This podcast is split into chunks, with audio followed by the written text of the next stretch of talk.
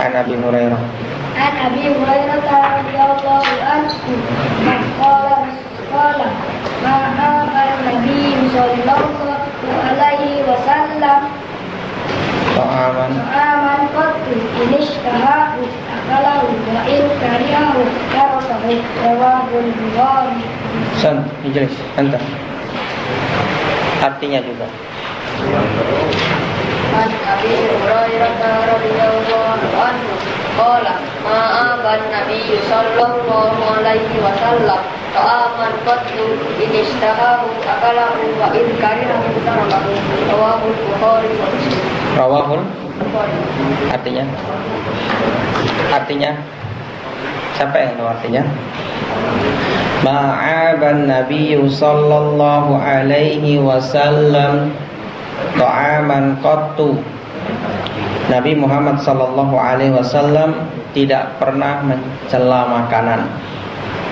Inishtahahu akalahu. Jikalau beliau suka dengan makanan tersebut, makanan yang dihidangkan untuknya, beliau makan. Wa in karihahu tarakahu. Dan jika beliau tidak suka, ditinggalkan. Tidak dimakan. Tidak dicela, ya. Pelajaran berharga bagi kita dari hadis yang sangat agung ini. Ketika di rumah masakannya misalkan tidak disukai sama kita, jauhi mencela makanan. Tinggalkan makan yang antum suka. Misalkan di situ ada sayur, ada lauk. Sayurnya tidak antum suka, sudah jangan makan sayurnya, makan lauknya. Ya. Nih kalau uminya masak jangan dicela masakannya ya. Paham dong? Nah. Barakallahu fikum. Nabi SAW tidak pernah mencela makanan, sama sekali tidak pernah mencela makanan oleh Nabi SAW. Alhamdulillah, semoga hadis-hadis yang kita hafal bisa kita amalkan sehingga ilmu kita menjadi barokah. Ayuhal ahibah, barakallahu fikum. Pada kesempatan yang berbahagia malam hari ini, kita masuk dalam pembahasan kitab Al-Usul Thalathah. Al-Usul Al-Thalathah. Landasan yang tiga yang ditulis oleh Al-Imam Muhammad bin Abdul Wahhab rahimahullah taala. Pembahasan al-usul tsalatsa di sini berkaitan tentang al-aqidah wa tauhid, akidah seorang muslim dan tauhid seorang muslim. Pembahasan yang sangat penting yang semestinya bagi kita semua untuk mempelajarinya. Yang semestinya bagi setiap doa dai yang mengajak ke jalan Allah untuk memulai dakwahnya dengan ini. Pembahasan al-aqidah wa tauhid. Kita baca sedikit faedah yang disebutkan oleh Syekhuna Abdul Abbas Yasin Al-Adani rahimahullah taala tatkala kita mengambil faedah dari beliau ketika belajar dahulu di hadapan beliau di Aden Pius kita mengambil beberapa faedah dari beliau dari kitab Al-Usul Tsalatsah ini. Ahamiyatu dirasati tauhid wal aqidah. Pentingnya mempelajari tauhid dan akidah. Qala rahimahullah asy-syar'u ihtamma bidzalik. Syariat ini ihtamma bidzalik, sangat memperhatikan pemeluknya untuk senantiasa mempelajari akidah dan tauhid. Wa ja'ala al-muqaddamah 'ala sa'iril 'ulum wa sa'iril fara'id 'ala ma 'ala dzalika. Dalla 'ala dzalika ma ja'a fi sahihain 'an Ibnu Abbas radhiyallahu anhu. Syariat yang mulia ini menjadikan mempelajari ilmu akidah awal dari semua ilmu dan semua kewajiban yang menunjukkan hal tersebut adalah apa yang disebutkan dalam Sahihain riwayat Al Imam Al Bukhari dan Muslim. An Ibnu Abbas radhiyallahu anhuma dari sahabat yang mulia Ibnu Abbas radhiyallahu anhuma an Nabi sallallahu alaihi wasallam bahwa Nabi sallallahu alaihi wasallam ba'atha Mu'adzan ila ahli Yaman. Pada suatu hari mengutus Mu'ad ke negeri Yaman untuk mendakwahi penduduk Yaman. Wa qala lahu Rasulullah wasallam berkata kepada Mu'ad, "Innaka ta'ti ala qaumin min ahli kitab." Wahai Mu'ad, perhatikan Ketika engkau nanti datang ke Yaman, engkau akan mendatangi suatu kaum dari kalangan ahlul kitab, Yahudi dan Nasrani. Falyakun awwalu ma tad'uhum ilaihi syahadata an la ilaha illallah. Maka dakwah yang pertama kali hendaklah engkau sampaikan di sana adalah menyeru manusia untuk Allah ilaha illallah tiada sesembahan yang berhak disembah melainkan Allah. Ini menyeru manusia untuk menegakkan la ilaha illallah. Wa fi riwayat dalam riwayat yang lain ila an yuwahhidullah pada mereka mentauhidkan Allah Subhanahu wa taala. Engkau menyeru kepada tauhid mentauhidkan Allah tabaraka wa taala. Fahadha yaduluna kata beliau rahimahullah ini menunjukkan anna ahamma ma yabtadu bihi talibul ilm huwa janibul aqidah wa tauhid menunjukkan bahwa yang pertama kali dimulai oleh, oleh penuntut ilmu agama ketika seorang ingin mempelajari ilmu agama semestinya adalah tauhid akidah dan tauhid Liana Nabi sallallahu alaihi wasallam amara Mu'adzan an yabtadi'a bit tauhid dikarenakan Nabi sallallahu alaihi wasallam memerintahkan Mu'ad untuk memulai dakwahnya dengan tauhid menegakkan la ilaha illallah mentauhidkan Allah Subhanahu wa taala, mengesahkan Allah Subhanahu wa taala dalam peribadatan. Tidak ada sekutu baginya. Ini yang diperintahkan Rasulullah SAW kepada Mu'ad bin Jabal. Yang pertama kali engkau dakwahkan adalah tauhid. Wa kadzalika bil aqidah. Demikian pula dengan akidah. Akidah wa tauhid sama. Qabla an yukhbirahum 'anis shalah wa qabla an yukhbirahum 'anis zakah ila ghairi dzalik minal fara'id. Sebelum Nabi Shallallahu Alaihi Wasallam memerintahkan Mu'ad untuk mendakwahkan salat, zakat dan yang lainnya, Rasulullah SAW mengawali nasihat wasiat kepada Mu'ad tatkala hendak berdakwah ke Yaman dengan memulai tauhid. Tauhid dulu sebelum segalanya. Ila ghairi dzalika min al-a'malil wajibati wal fara'id al-mu'akkidah dan yang lain dari dari amal-amalan yang lain yang wajib dan kewajiban-kewajiban yang lain. Dimulai dengan tauhid. Barakallahu fikum. Wa kadzalika al-a'malu mustahabbah. Demikian pula amalan-amalan yang hukumnya sunnah. La yaqbaluhu Allah, la yaqbaluhu Allahu illa idza atal 'abdu bitauhid. Allah tidak akan menerima amalan seseorang kecuali tatkala tauhidnya murni, bersih karena Allah Subhanahu wa taala tatkala dia datang dengan amalan-amalan tersebut membawa tauhid. Allah tidak akan menerima amalan orang yang tauhidnya rusak. Yang tauhidnya dicampuri dengan kesirikan tidak akan diterima oleh Allah Subhanahu wa taala amalannya.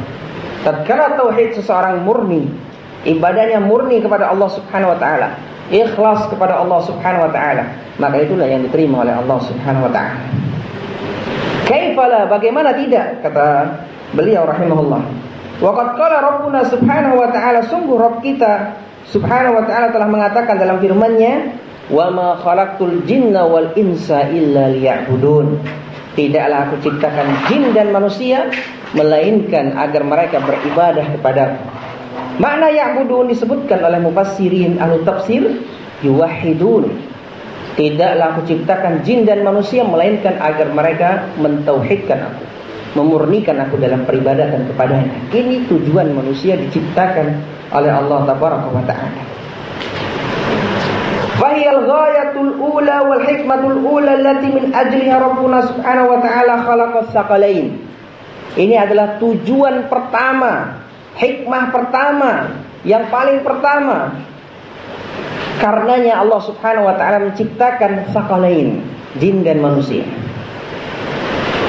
Wa min ajli an yatabayyana an yatabayyana an yatabayyana lana ahamiyatut tauhid fa innal insan qad umira bit tauhid wa huwa fi sulbi abihi.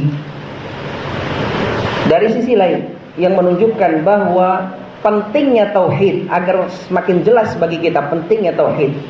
Manusia diperintahkan tatkala dia di dalam tulang sulbi tatkala dia masih di sulbi ayahnya diperintahkan untuk mentauhidkan Allah Subhanahu wa taala Kama dalla ala dzalika ma jaa fi sahihain sebagaimana yang disebutkan dalam sahihain riwayat Al-Imam Al-Bukhari dan Muslim. An Anas bin Malik radhiyallahu anhu dari sahabat yang mulia Anas bin Malik radhiyallahu anhu. Anna Nabi sallallahu alaihi wasallam qala bahwa Nabi sallallahu alaihi wasallam bersabda, Yaqulullahu azza wa jalla Allah azza wa jalla berfirman, li ahwani ahli nar azaban kepada penduduk neraka yang paling ringan azabnya Ara'aita in kanat lakal ardu wa ma fiha min syai' akunta muftadiyan bihi? Apakah ketika engkau memiliki bumi beserta isinya, semua perhiasan-perhiasan yang ada di muka bumi ini, semua kekayaan-kekayaan yang ada di muka bumi ini, semuanya engkau miliki, apakah engkau akan menebus menebus dengan itu semua agar engkau diselamatkan dari azab Allah Subhanahu wa taala? Yaqulul abdu, dia mengatakan, "Na'am, iya, tentu. Aku akan menebusnya karena tidak kuat menahan azab dari Allah Subhanahu wa taala." Fa yaqulullahu azza wa jalla, maka Allah azza wa jalla menjawab, "Qad aradtu minka dzalik wa anta fi sulbi Adam alla tusyrika bi syai'an." Sungguh aku telah menginginkan darimu yang demikian itu kata Allah Subhanahu wa taala semenjak engkau wa anta sulbi Adam dalam keadaan engkau di sulbi Adam. Tulang sulbi Adam. Apa yang dipinta oleh Allah Subhanahu wa taala? Alla tusyrika bi syai'a. Jangan engkau sekutukan aku sedikit pun dengan sesuatu apa pun. Ini yang di diinginkan oleh Allah Subhanahu wa taala. Itu saja. Maka seseorang akan selamat dari azab Allah Subhanahu wa taala. Tatkala dia memurnikan peribadatannya hanya untuk Allah menjauhi berbagai macam bentuk kesyirikan. Karena sesungguhnya kesyirikan itu adalah musibah yang sangat besar dan musibah yang paling besar. Sebagaimana yang pernah kita katakan sebagaimana yang pernah kita sampaikan pada beberapa pertemuan yang lalu. Dikekalkannya seorang dalam neraka dihapuskannya amalannya diharamkannya surga baginya. Ini adalah musibah di atas musibah. Tatkala seseorang terjatuh ke dalam kesyirikan kepada Allah Subhanahu wa taala. Wallahu azza wa jal khataba wa amara an-nas bitauhid. Allah azza wa jal telah memerintahkan manusia untuk bertauhid. Wa kadzalika khasatan bi amrin nahi 'anil syirik. Demikian pula Allah Subhanahu wa taala secara khusus memerintahkan manusia melarang mereka dari kesyirikan wahum fi aslabi abaihim dalam keadaan mereka dalam tulang sulbi ayah-ayah mereka ala hadzal amr al-azim alladhi huwa ahamiyatu amri tauhid wa ahamiyatul aqidah yang demikian itu menunjukkan kepada kita bahwa pentingnya perkara tauhid dan pentingnya perkara akidah. Tsumma ba'da dzalika ijma'u sa'ir rusul. Kemudian Syekh rahimahullah mengatakan, kemudian para rasul sepakat semuanya dari yang pertama sampai yang terakhir para rasul sepakat akan dakwah tauhid. Sepakat semuanya memulai dakwah dengan tauhid. Semuanya mendakwahkan tauhid dari Nabi Muhammad dari Nabi Adam alaihissalam sampai Nabi Muhammad sallallahu alaihi wasallam. Yang terakhir nabi yang terakhir. Tidaklah mereka berselisih dalam hal ini. Mereka mendakwahkan tauhid semuanya. Dalilnya adalah sebagaimana yang Allah Subhanahu wa taala sebutkan dalam Al-Qur'an, "Walaqad ba'atsna fi kulli ummatin rasulan an i'budullaha wajtanibut taghut." Sungguh kami telah mengutus pada setiap umat seorang rasul. Perintah yang Allah Subhanahu wa taala sampaikan kepada rasul tersebut agar didakwahkan kepada para kepada umatnya adalah an i'budullah hendaklah kalian beribadah kepada Allah wajtanibut tauhid dan jauhi sesembahan-sembahan selain Allah. Bahada ijma'u ijma'u min sa'ir rusul. Kata Syekh rahimahullah ini adalah kesepakatan semua rasul bi annahum awwal ma asma'u aqwamahum wa amru tauhid bahwa awal mula pertama kali yang mereka perdengarkan kepada kaum-kaum mereka adalah perkara tauhid. Wa kadzalika amrul aqidah demikian pula perkara akidah. Wala budda li talibil ilm an yahtam bihadzal janib. Kata Syekh rahimahullah, Semestinya dan harus bagi penuntut ilmu untuk memberikan perhatian dalam hal ini, dalam hal at-tauhid ghayatul ihtimam dengan sebenar-benarnya. Dengan sebenar-benar perhatian, dengan perhatian yang lebih terhadap perkara tauhid ini. Wal ya'lam kama sabaq anna sa'ira a'malihi wa sa'ira ahwalihi allati hiya syar'iyyah annaha la tuqbal hendaklah dia ketahui bahwa setiap amalannya tidak akan diterima illa idza ata bihadza tauhidis sahih kecuali apabila dia datang dengan membawa tauhid yang benar. Kalau tauhidnya benar, tauhidnya lurus, amalannya diterima oleh Allah Subhanahu wa taala. Kalau tauhidnya rusak, tauhidnya hancur, amalannya tidak akan diterima oleh Allah Subhanahu wa taala. Dia meyakini dengan sekian banyak keyakinan yang rusak, keyakinan yang membatalkan amalannya, maka tidak akan diterima oleh Allah Subhanahu wa taala. Ketika dia melakukan kesyirikan kepada Allah Subhanahu wa taala karena yang namanya syirik itu muhbitun lil amal, menghancurkan amalan, meruntuhkan amalan. Lain asyrakta la yahbatanna amaluka wa la takunanna minal khasirin. Allah Subhanahu wa taala mengatakan dalam Al-Qur'an, jikalau engkau mempersekutukan aku, jikalau engkau mempersekutukan Allah, jikalau engkau melakukan kesyirikan, niscaya amalanmu akan hancur, akan batal, akan pudar, akan hilang, tidak ada pahalanya dan engkau termasuk orang-orang yang merugi. Wa tarku kulli ma yunaqidu wa yuzilu kalimat la ilaha illallah. Dan semestinya bagi setiap hamba untuk meninggalkan apa saja yang bisa membatalkan kalimat la ilaha illallah. Wa yuzilu kadzalika tauhid. Demikian pula yang dapat membatalkan ketauhidannya hendaklah dia mempelajari itu semua.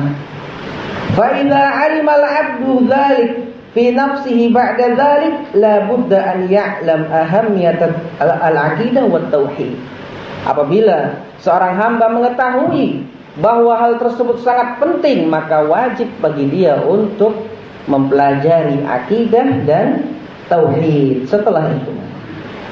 Min haitsu annahu ya'lam ahlal bidah wa ahlal dhalalat wa ahlal syirik wa ahlal inhirafat ila ghairi dzalik. Dengan yang demikian itu dia akan mengetahui ahlul bidah, ahlul dhalalat, orang-orang yang menyimpang, ahlul syirik dan orang-orang yang menyelisihi siratul mustaqim dan selain itu. Fal insan idza tatabba'a ba'da an yadrus hadhihi silsilah wa ghair wa ghairaha min al-kutub yatatabba' kadzalika al-qira'ah wal ittila' fi kutubil aqidah wa kutubil tauhid. Setelah seseorang mempelajari hal ini maka semestinya bagi dia untuk membaca, menelaah kitab-kitab akidah dan kitab-kitab tauhid biidznillah taala. Maka di sini beliau rahimahullah taala menyebutkan ucapan Syekh Muqbil rahimahullah taala. Wa adkur kalimatan qalaha Syekhun Al-Wadi'i rahimahullah kata beliau. Aku akan menyampaikan kalimat ucapan yang disampaikan oleh guru kami Al-Imam Muqbil Al-Wadi'i rahimahullah taala tatkala seorang telah mempelajari tauhid, tatkala tauhidnya sudah murni, tauhidnya kuat karena Allah Subhanahu wa taala. Idza ta'allama al-insan at-tauhid wal aqidah, farmi bihi fi ayyi makan. Tatkala seseorang sudah belajar tauhid, sudah belajar akidah, maka tempatkanlah dia di tempat mana pun. Ini kata Syekh Mukbil rahimahullah taala atau bahasa kasarnya di sini farmi bihi fi ayyi makan lemparkan di tempat mana saja. Letakkan di tempat mana saja. Kalau dia sudah belajar tauhid, niscaya dia akan selamat biidznillah taala. Mau diletakkan di mana? Diletakkan di ujung, diletakkan di tengah, diletakkan di pangkal, dia akan selamat biidznillah taala. Karena dia telah mempelajari tauhid. Ini yang disampaikan oleh Syekh Mukbil rahimahullah taala yang dinukil dari Syekh Yasin Hafizahullah rahimahullah taala. Inilah pentingnya mempelajari tauhid. Ada perbedaan pendapat di antara ulama dari ulama mutaakhirin dan ulama mutaqaddimin. Ulama mutaqaddimin, ulama terdahulu tidak membedakan antara al-aqidah wa tauhid. Akidah itu akidah itu tauhid, tauhid itu akidah satu. Akan tetapi ulama belakangan membedakan antara al-aqidah Al-umur ad-dakhilah fi tauhid al-uluhiyyah alladhi huwa ifradullah bil ibadah min shalah wa siyam wa hajj ila ghairi dzalik yuqalu ilmu tauhid. Yang berkaitan dengan tauhid uluhiyah ini namanya ilmu tauhid. Yang berkaitan dengan asma wa sifat, ini namanya ilmu akidah. Ini menurut ulama belakangan. Akan tetapi indal mutaakhirin, indal mutaqaddimin seperti Ibnu Khuzaimah, demikian pula Al-Imam Sabuni, tidak ada perbedaan antara akidah dan tauhid. Akidah wa akidah ya tauhid wa tauhid huwa al-aqidah. Sama dua-duanya. Ini masyarakat rahimah barakallahu fikum. Mudah-mudahan Ketika kita mempelajari kitab ini memberikan barakah kepada ilmu kita, memberikan manfaat untuk kita semua sehingga kita diselamatkan oleh Allah Subhanahu wa taala di dunia ini, diberikan kebahagiaan di dunia ini, diberikan hidayah di dunia ini, diselamatkan di akhirat dari azab Allah Subhanahu wa taala dan dimasukkan ke dalam jannahnya. Dimasukkan ke dalam surganya Allah Subhanahu wa taala, dihindarkan dari nerakanya Allah tabaraka wa taala. Ini yang kita harapkan. Karena itulah tujuan tertinggi kita. Ya. Tidak ada lain kita melainkan menginginkan masuk ke dalam surga dan dijauhkan dari neraka. Barakallahu fikum. Kita akan baca apa yang disampaikan oleh Al-Imam Al-Allamah Muhammad bin Shalih Al-Utsaimin alaihi rahmatullah. Pertemuan pertama ya dari kitab Syarah Al-Usul Al-Thalathah. Antum mungkin sudah pernah belajar kitab ini, sudah sering membuka-buka, sudah sering murajaah, akan tetapi tidak menjadi masalah kita mengulang-ulang kembali. Para ulama kita mengatakan hayatul ilmi bil mudzakarah. Ilmu itu akan senantiasa diingat ketika kita mudzakarah, selalu mengulang-ulangnya. Kita baca apa yang disebutkan oleh Al-Imam Muhammad bin Abdul Wahab rahimahullah taala Bismillahirrahmanirrahim. Kita baca dengan cepat, kita ringkas karena ini sudah sering faedahnya. Tidak mengapa kita ulang-ulang, akan tetapi agak dipercepat karena ini sudah sering, sudah sering. Yang penting kita bacanya dipaham, itu saja ya. Cepat tidak terlalu cepat, akan tetapi dipaham. Ibtada al-muallif rahimahullah taala kitabahu bil basmalah. Muallif di sini Syekh Muhammad bin Abdul Wahab memulai kitabnya dengan bismillah. Bismillahirrahmanirrahim. Tujuannya apa? Iktidaan bi kitabillah. Karena ini mencontoh kitabullah azza wa jalla. Fa innahu bil basmalah. Karena kitabullah itu dimulai dengan basmalah. Wattiba'an li hadis dan mencontoh hadis kullu amrin dhibalin la yubda'u fihi bi bismillah fa huwa. Hadis setiap urusan yang tidak dimulai dengan bismillah, maka urusan tersebut terputus barakahnya. Tidak ada barakahnya, sedikit barakahnya. Hadis ini diriwayatkan oleh Al-Khatib dalam Jami' Al-Akhlaq. Hadis ini dari sahabat Abu Hurairah radhiyallahu anhu. Wa fi sanadihi dha'fun akan tetapi di dalam sanadnya ada sisi kelemahan fala yasih fi hadzal janib ayu hadis. Tidak ada hadis yang sahih dalam bab ini. Tidak ada hadis yang sahih. Hadisnya disebutkan oleh Syekh Al-Albani dalam awal-awal hadis Irwaul Walil. Antum bisa lihat Irwaul Walil di awal-awalnya disebutkan dibahas oleh beliau rahimahullah tentang kelemahan hadis ini.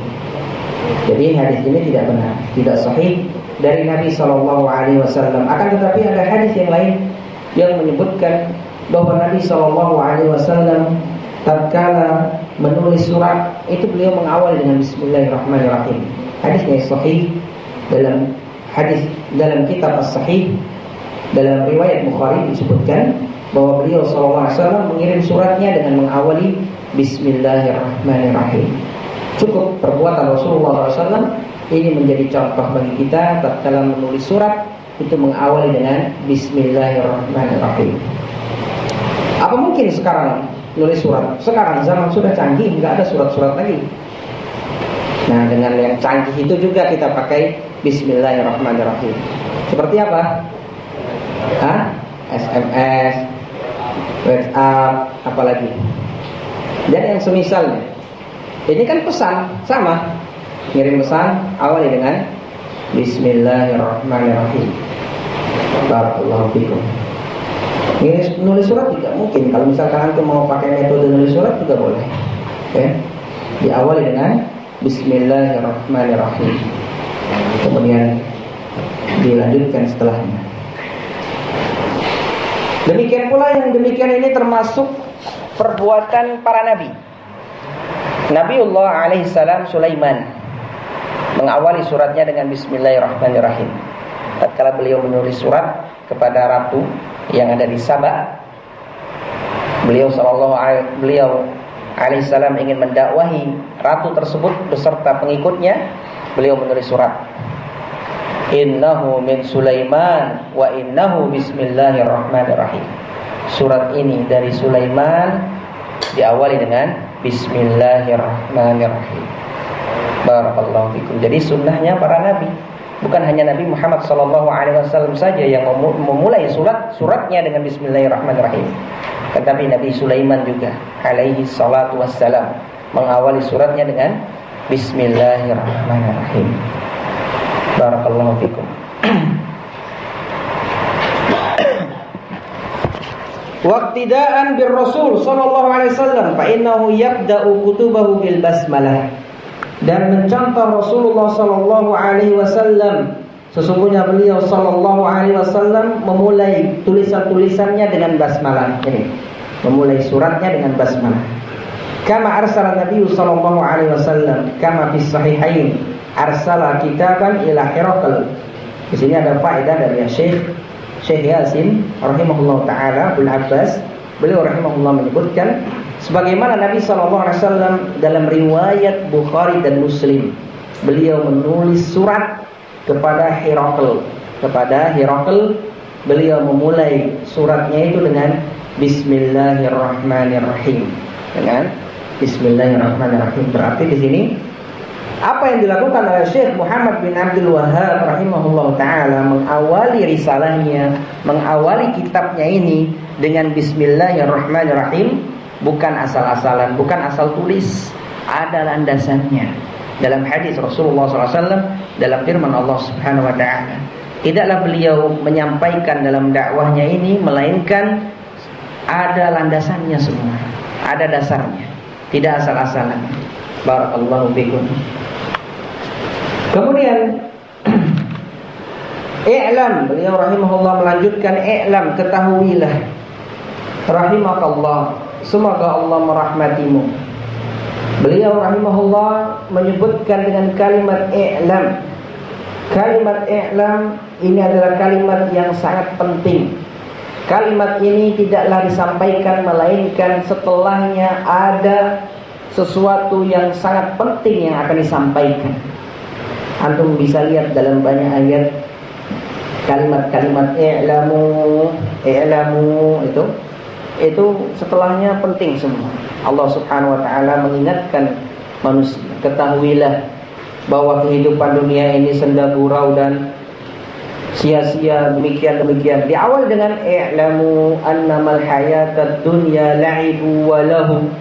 Ketahuilah bahwasanya kehidupan dunia itu laib permainan dan senda gurau. Dia diawali dengan i'lamu berarti setelahnya kalimat yang sangat penting yakni Allah Subhanahu wa taala mengingatkan bahwa dunia itu adalah senda gurau, permainan. Ya tidak semestinya seorang menjadikan tujuan hidupnya adalah dunia. Allah Subhanahu wa taala mengawali dengan i'lam. Demikian pula di sini Syekh rahimahullah taala mengawali dengan i'lam ketahuilah ketahuilah Berarti setelah ini ada perkara yang sangat penting yang akan disampaikan oleh beliau rahimahullah. Setelah beliau rahimahullah mengucapkan i'lam, ketahuilah beliau melanjutkan dengan doa rahimakallah. Semoga Allah merahmatimu. Semoga Allah menyayangi.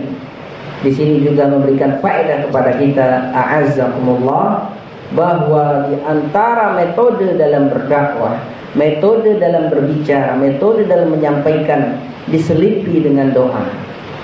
Diselipi dengan doa dalam untayan-untayan kalimat yang kita sampaikan. Ini adalah menarik hati orang lain, menarik hati orang yang kita sampaikan. Tertarik hatinya, masya Allah didoakan. Akhi rahimakallah, wahai saudaraku, semoga Allah merahmatimu Semoga Allah menjagamu. Ini kalimat yang sangat bagus. Kalimat yang sangat bagus. Barakallahu fikum. Walaupun itu berbentuk masukan atau yang semisalnya ketika diawali dengan doa, sungguh ini adalah kalimat yang sangat lembut, yang sangat besar kemungkinan ucapan kita diterima setelah itu. Ini yang disampaikan oleh beliau rahimahullah taala. I'lam rahimakallah. Berarti di sini beliau rahimahullah taala mencontohkan kepada kita metode dalam menyampaikan. Metode dalam menyampaikan. Jadi dalam menyampaikan itu diperlukan metode juga, ya. Diperlukan metode. Memang yang kita sampaikan ini benar. Bagaimana supaya kebenaran yang kita pegang ini, yang kita sampaikan ini diterima oleh orang lain? Kan demikian. Karena kalau tidak diterima oleh orang lain, Ya khawatir kita, sedih kita. Sedih. Apalagi itu saudara kita. Apalagi itu orang tua kita. Maka hendaklah kita mempelajari metode ini. Jangan sampai ya yang kita sampaikan ini kebenaran akan tetapi caranya yang tidak bagus akhirnya merusak. Merusak nama baik dakwah merusak. Kita merusak kita juga. Akhirnya yang disampaikan itu marah akhirnya sekian banyak yang dia lakukan terhadap kita. Mempengaruhi orang lain kemudian menjatuhkan kita dan lain sebagainya. Akhirnya kita yang jatuh rusak. Karena apa? Karena tidak benar dalam menyampaikan. Penting di sini masyarakat ahibah barakallahu fikum mengetahui metode dalam menyampaikan. Lihat beliau rahimahullah taala dalam menyampaikan halus sekali kalimatnya. I'lam Berarti di sini menunjukkan perkara yang sangat penting.